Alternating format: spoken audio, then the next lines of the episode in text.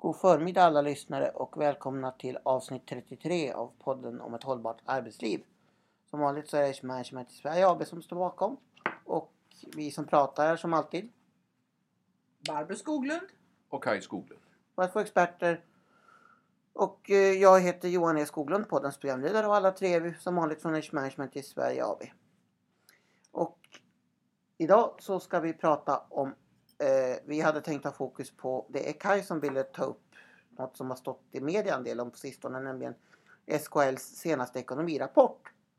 Och jag sa också att jag ville få in en rapport som har kommit från Arbetsförmedlingen som heter eh, äldres arbetsmarknadssituation. Så jag låter eh, mina två experter bestämma i vilken ordning ni vill ta upp dessa rapporter och hur ni vill apostrofera Ja, dem. eftersom det... Ja, Ekonomin är väl intressant för att det, det är faktiskt så att eh, Arbetsförmedlingens rapport som hänger ihop äldre arbetslösa har faktiskt att göra med eh, ekonomi.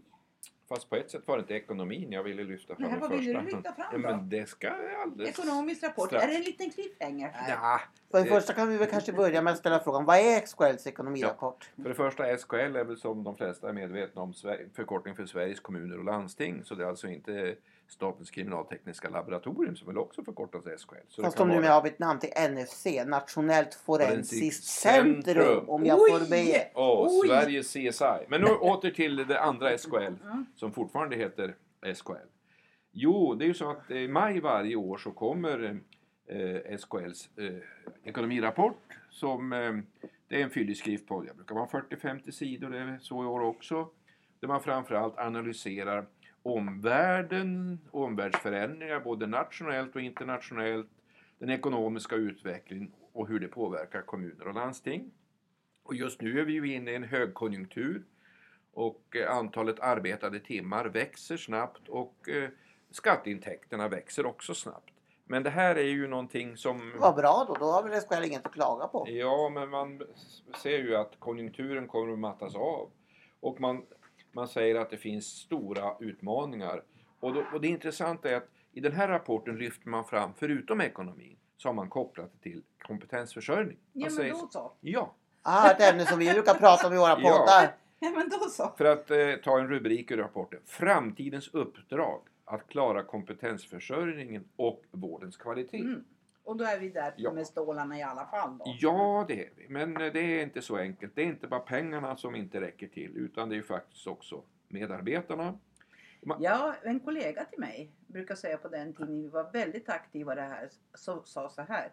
Människorna kommer att, det kommer att bli större behov av människorna av stålar. Stålarna kommer att räcka längre. Är det fortfarande samma sak? Det var du som sa det. Ja, jag får väl citera först ur rapporten. Det höga demografiska trycket kommer främst från att antalet barn, unga och äldre ökar snabbt samtidigt som andelen arbetsför ålder ökar betydligt långsammare. Mm. Och det, här, och det är kombinerat också till att många har gått eller går i pension i nuläget och, och närmaste åren. Så, så det var ju inget nytt på något sätt. Nej, inte Men- för oss. Inte för oss. Ja, men vi möts ju av, av sådana nyheter hela dagen. I, eh, dagligen menar jag. Igår kunde vi till exempel läsa att man får skjuta upp det projektet som man har att alla som jobbar som lärare inom särskolan Mm. skulle ha, vad heter det, skulle ha lärarlegitimation. För att det finns helt enkelt, det går inte att utbilda nog många och de flesta som jobbar som alltså specialpedagoger är 50-plussare. Och Som ska gå i pension. Och vi läser idag att Vårdförbundet, man har gjort en, en granskning, eh, Expressen och eh, Västerbottens-Kuriren har ju inlett ett Ja. samarbete om vad, de har intervjuat ett antal sjuksköterskor som har lämnat vården. Vad gör ni istället? Ja, men framförallt så säger då, ja, vi, jo, det är många eh, delar i, i det här reportaget. Men idag så är kommer det att fattas 45 000 syrror. Alltså det här är bara början på ekluten som vi är i nu. Mm. Yes. Men Mm. Nu, det riktigt intressanta det är att vi tittar i backspegeln och sen tittar framåt. Och då Mm. börjar man förstå dramatiken i det. För historiskt under de senaste decennierna har det varit så att, att kostnaderna, resurserna och därmed också sysselsättning, alltså antalet medarbetare, har ökat i takt med den demografiska utmaningen, alltså demografiska förändringar, fler äldre. Men därutöver har det skett en ökning med mellan en halv och en procent per år. Och det, det är ju ett sätt att Vadå, uttrycka ökning av vad då? av kostnader, antalet anställda, Okej. man tar Ja, men då- kostnader. Ja, Och, och det betyder att man förutom att möta växande vårdbehov som en följd av demografin har man samtidigt klarat av att höja kvaliteten i verksamheten. Mm. Men det säger man, om man skulle fortsätta på det sättet, och vi är ju ganska vana vid, vi vill ha bättre kvalitet, bättre service, högre kvalitet, vi har ju starka förväntningar på det. Mm. Då säger man att ska man le, le, i framtiden leva upp till det, då skulle hela nettoökningen av arbetskraften fram till 2025 behöva 2025, ja. hamna inom kommuner och landsting. Exakt. Det vill säga all ökning, all, allt nytillskott av arbetskraft skulle hamna i kommun eh, och landstingssektorn. Och som man säger, det är helt orealistiskt. Mm. Och den kalkyl man då säger att ja, man kommer nog klara av att möta de växande behoven som en följd, av fler eh, äldre och fler barn. Det måste ju byggas förskolor och skolor och, Mm. eh, framöver. Men man klarar inte den här kvalitets... Man, man pratar inte i kvalitetsterm, det är jag som gör det. Men det är det det handlar om. Man kommer inte att klara att höja kvaliteten i välfärdssektorn. Mm. Och sen det som nu sker... Får, får, får jag skjuta in det bara Mm. Kaj? Det, är, det här är inte första gången jag gjorde ett jobb åt i det här fallet eh, nuvarande region Norrbotten, dåvarande landstinget, den dåvarande landstingsdirektören Elisabeth Mm. Holmgren som tyvärr gick bort allt för snabbt. Men eh, För och- tidigt alla för tidigt, ja och snabbt. Det var inte Ja. så snabbt, men för tidigt. Eh, Okej. Och eh, det, där redan då, och nu är vi alltså i den recession som var 2009. Det är precis alltså vid den här tiden 2009.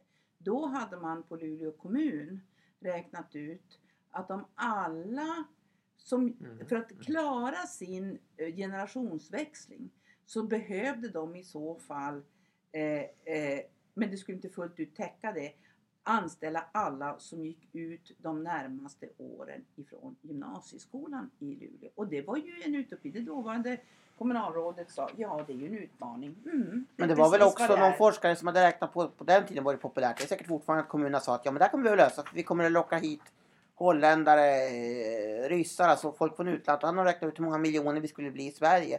Om alla kommuner skulle uppnå sina Och befolkningsmål då, och då, skulle vi, då skulle Sverige behöva öka så, att- så 14 miljoner. Mm. Om alla kommuner i Sverige skulle nå sina mål av att ö- öka sitt, sina Mm. antal eh, invånare. Då skulle vi, ha, då skulle vi behöva bli då 14 miljoner. Mm. Och till sist, för vi kan lämna den här rapport, rapporten alldeles strax. Men konsekvensen av det här är att om vi vill fortsätta att höja ambitionsnivån, fortsätta att öka kvaliteten, utöver att bara möta framtidens vårdbehov med dagens kvalitet och dagens standard, då måste man, som man säger så här, kvalitet, istället behöver produktiviteten i offentlig sektor, liksom i privat sektor, öka.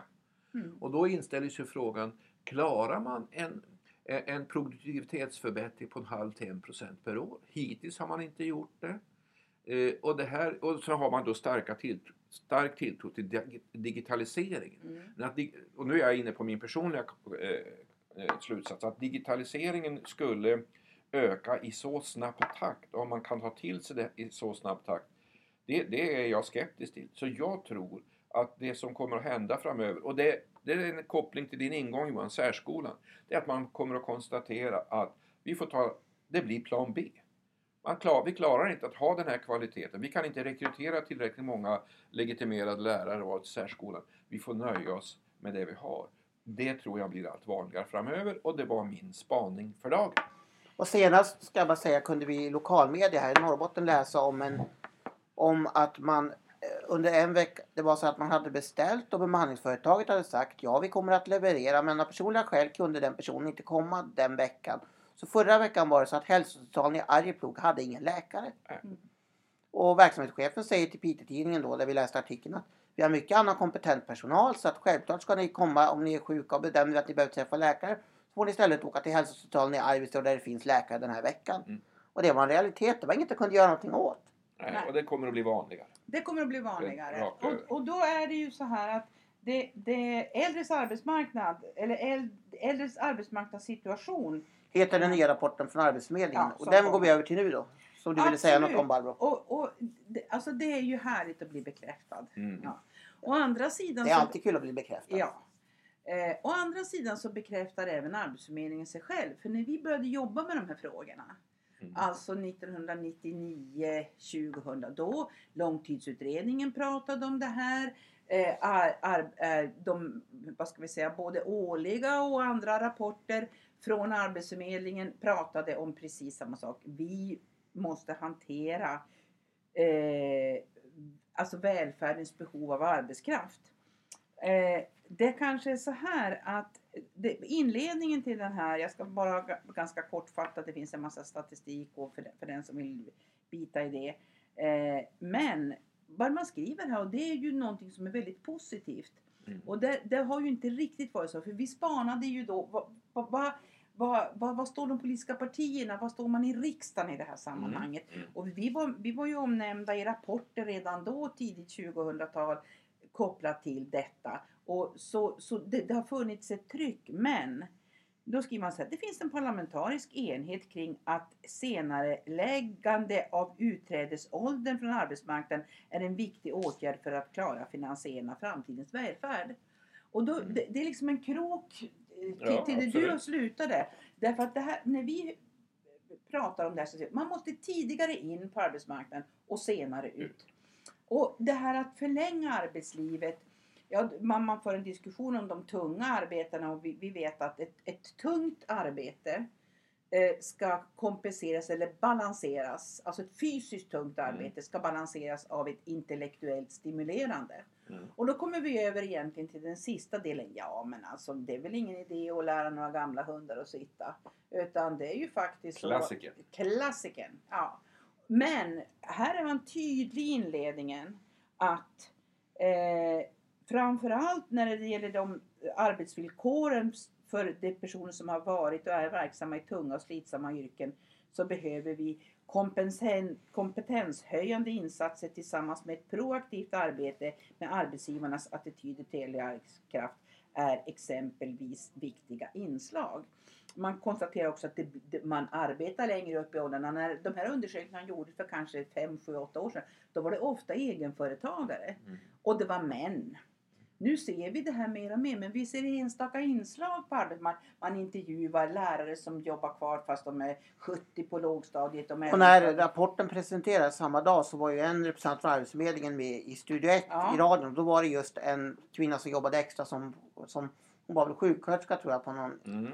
Hon var på, på, i Filipstad, nej, Arvika. Arvika. Arvika Och hon var sjukhus. 67 och hon jobbade som sjuksköterska på en intensivvårdsavdelning. Mm. Mm. Och vilket ju är en väldigt kvalificerad teknisk Sa miljö. du vobbade?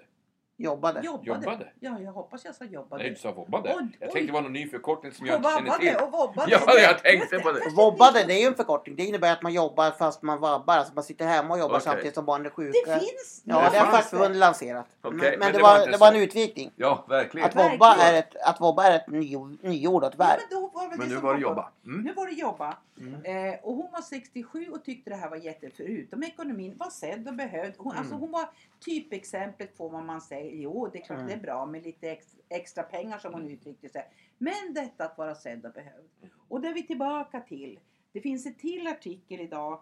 Eh, alltså det ökar. Och, det, och för oss är det här bara bra att det ökar. För i, vår, I vår värld och den erfarenhet vi har när vi har jobbat med det här ute både i, i, i privat sektor och offentlig sektor. Det är nyttoperspektivet. Det sa vi när vi, när vi, när vi slog pannan blodig på den demografiska utmaningen. Som inte alls, men det är inga problem för oss sa, jag, sa ju de som, vi, vi ska bli bäst på att rekrytera de unga så vi klarar det här. Och då hade man inte satt sig in i detta och då konstaterar vi, ja men eh, vad beror det här på? Ja, det är nyttoperspektivet och nu är vi nyttoperspektivet. Och jag, finns, det jag ska fortsätta med, med, med en, en, en del kopplat till det här med utredningen om, om eh, sjuksköterskorna. Mm. Mm. Om de 45 000. Då finns det olika reportage för olika både experter och så vidare. När det gäller kompetensförsörjning i SKL igen. Och, och, och så intervjuar man en verksamhetschef som sitter på, som är verksamhetschef för eh, akuten eller både i, i eh, Ljungby lasarett Mm. och Växjö Mm. sjukhus. Och det visar sig, ja arbetsmiljön sa hon, vi har inte höjt några löner. Det är arbetsmiljön. Mm. Då har alltså satt till service. Det är klart det, det, det, det kostar ju med, alltså medarbetare som gör saker och ting som inte sjuksköterskor i det här fallet var det och förmodligen även undersköterskor eh, som de har gjort tidigare. Mm. Eh, och det här är hämta fika till dem, alltså gör, transportera patienter och, och, och det här gör så egentligen handlar det om arbetsmiljön, det handlar om flöden och så säger då naturligtvis i rapporten ja men varför är inte det här infört på fler ställen? Ja, konstaterade hon. Man byter chefer väldigt ofta i, i, i eh, hälso och sjukvården. Och det innebär att man hinner knappt börja med ett förändringsarbete så byts det igen. Eh, så att, så, och då är vi tillbaka igen till arbetsmiljön, ledningen och styrningen. Det är där det Ja. landar i. Och där måste jag få ha en knorr. För- För mig är det en knorr i alla fall. Jag nämnde det här med digitaliseringen. Och det, och det handlar ju om ny teknik och hur den ska utvecklas på ett smart sätt. Och det, här, ska ju nu, här ser man att unga pigga saker ska lära sig att göra appar. Mm. Men det är ju faktiskt så om man samtidigt har en attityd som arbetsgivare och chefer att de äldre medarbetarna, de erfarna som före sig, ja men de har ju så svårt att lära sig ny teknik så det kommer ju inte att gå. Har man, har man den attityden då kommer det ju aldrig att gå att införa digitalisering på ett bra sätt om man inte har respekt för deras kunnande, förmår att lyssna på dem, ta tillvara deras erfarenheter. Och om man dessutom då att ja, det, det, det, det går ju inte att lära dem. Då kommer det här att gå sämre än någonsin. Men då det är min jag, slutsats. Då, då ska jag bara säga så här. Det- Har jag fel?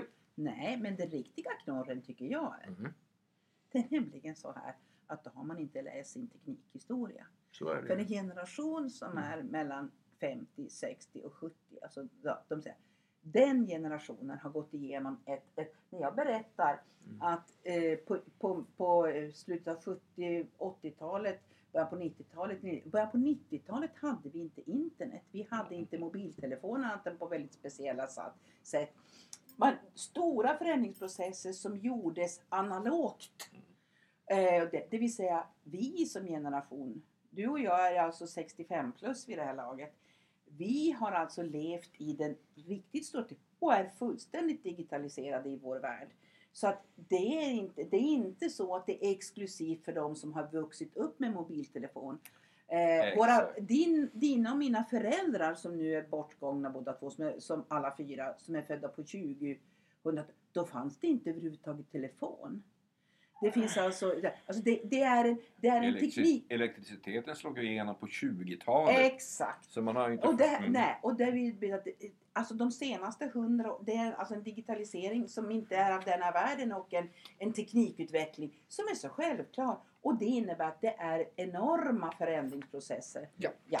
Jaha, Jag hade en aspekt jag ville ta upp också Ja. om det här som är på ett lite annat slag. Det var nämligen så att jag vet inte om alla har läst Dagens Industri igår. Mm. Mm. Men igår i Dagens Industri så var det en debattartikel som var skriven av tre personer. Nämligen det var eh, moderatledaren Ulf Kristersson, deras ekonomisk-politiska talsperson, alltså Elisabeth Svantesson som är tidigare arbetsmarknadsminister i Reinfeldts andra regering. Och så även Niklas Wikman som är eh, tidigare MUF-ordförande och numera sitter som riksdagsledamot och är, är, är inblandad, För, för, Moderaterna och inblandade i någon slags framtidskommission. Och de lanserade då igår Moderaternas nya eh, politik för ekonomi och tillväxt och hade Okej. fem förslag. Okej. Och det är, fem, det är ett av de fem förslagen som jag tyckte var intressant. Det är att det har ju länge förekommit en kritik mot Arbetsförmedlingen. Från Moderaterna att de vill lägga ner den. Och nu säger de att de vill införa ett form av RUT-avdrag. Som de är, för att den som, den som, jobb, som är i vuxen ålder, alltså lite äldre då, alltså på arbetsmarknaden blir arbetslös och själv ägnar sig åt, åt, åt vad heter det, åt eh, åtgärder som gör att de blir lättare anställningsbara, det vill säga det livslånga lärandet.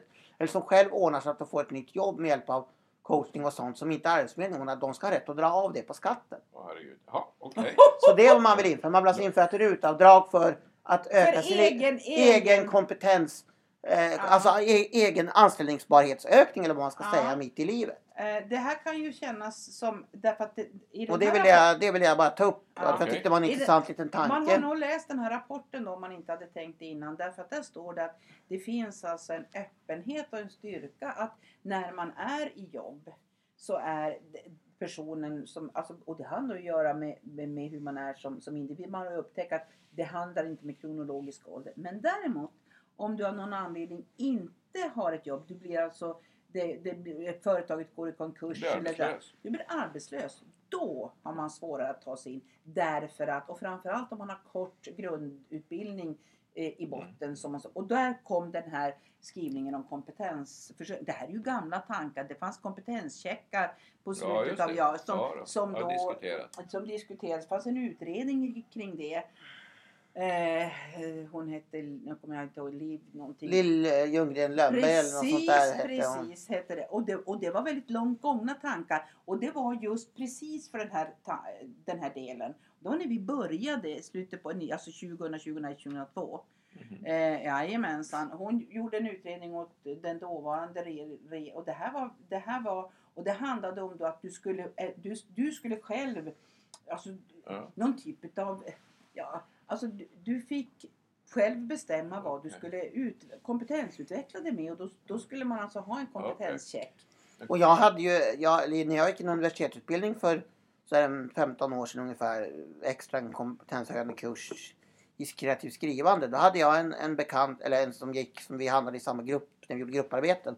Som var en äldre, han kanske var i 50-årsåldern och han hade ju då fått sluta sitt jobb och han var då så att han hade koppling till Trygghetsrådet. Ja, de Ja, har, och då de hade de- varit då- då hade de ett kontor-. De hade de ett kontor i Luleå så där kunde han gå upp och han kunde skicka gratis fax då på den tiden. Han kunde skicka och skriva ut och göra rapporter. Alltså, Apropå teknik Så Men där på, fanns det. På tal om avdrag kanske det är dags att dra av podden nu. Det är dags att inte bara avsluta den här podden utan det är också dags att säga glad sommar. För det här är faktiskt sista podden vi kommer att göra på, som, eh, göra på vårterminen 2018. Så det är dags för skolavslutning, inte bara för de som går i skolan utan även för podden. Och Och- vad, vi, vad det blir för podd där till hösten, det har vi ingen aning om Det just får vi nu. se Men- men, men, vi går ju en spännande höst till mötes med, Ja, ja, visst. Ja, ja. Ja, just det. med val Det och sånt. Det Ja, men både, både regi- regionalt, eh, lokalt och i riksdagen. Ja. Mm, Kaj har ju ett litet, Kaj har ett litet säg som du brukar säga rätt så ofta så du kanske får säga det i podden Ja, också. absolut. Nu är partisterna nervösa. Och alla partister Ja, är antingen är man nervös om man har dåliga siffror. Tänk om det går så dåligt. Har man bra siffror, då är man nervös. för Tänk om vi tappar i Ja. valrörelsen. Men det. det var Men, det. men innan jag, jag vill och eh, oss tres vägnar tacka alla våra lyssnare. Ja, Det här gör vi, vi, vi blir lika glada varje gång när vi ser att det har varit en nedladdning. Och det är så roligt att eh, om det är många eller om det är samma, det spelar ingen roll.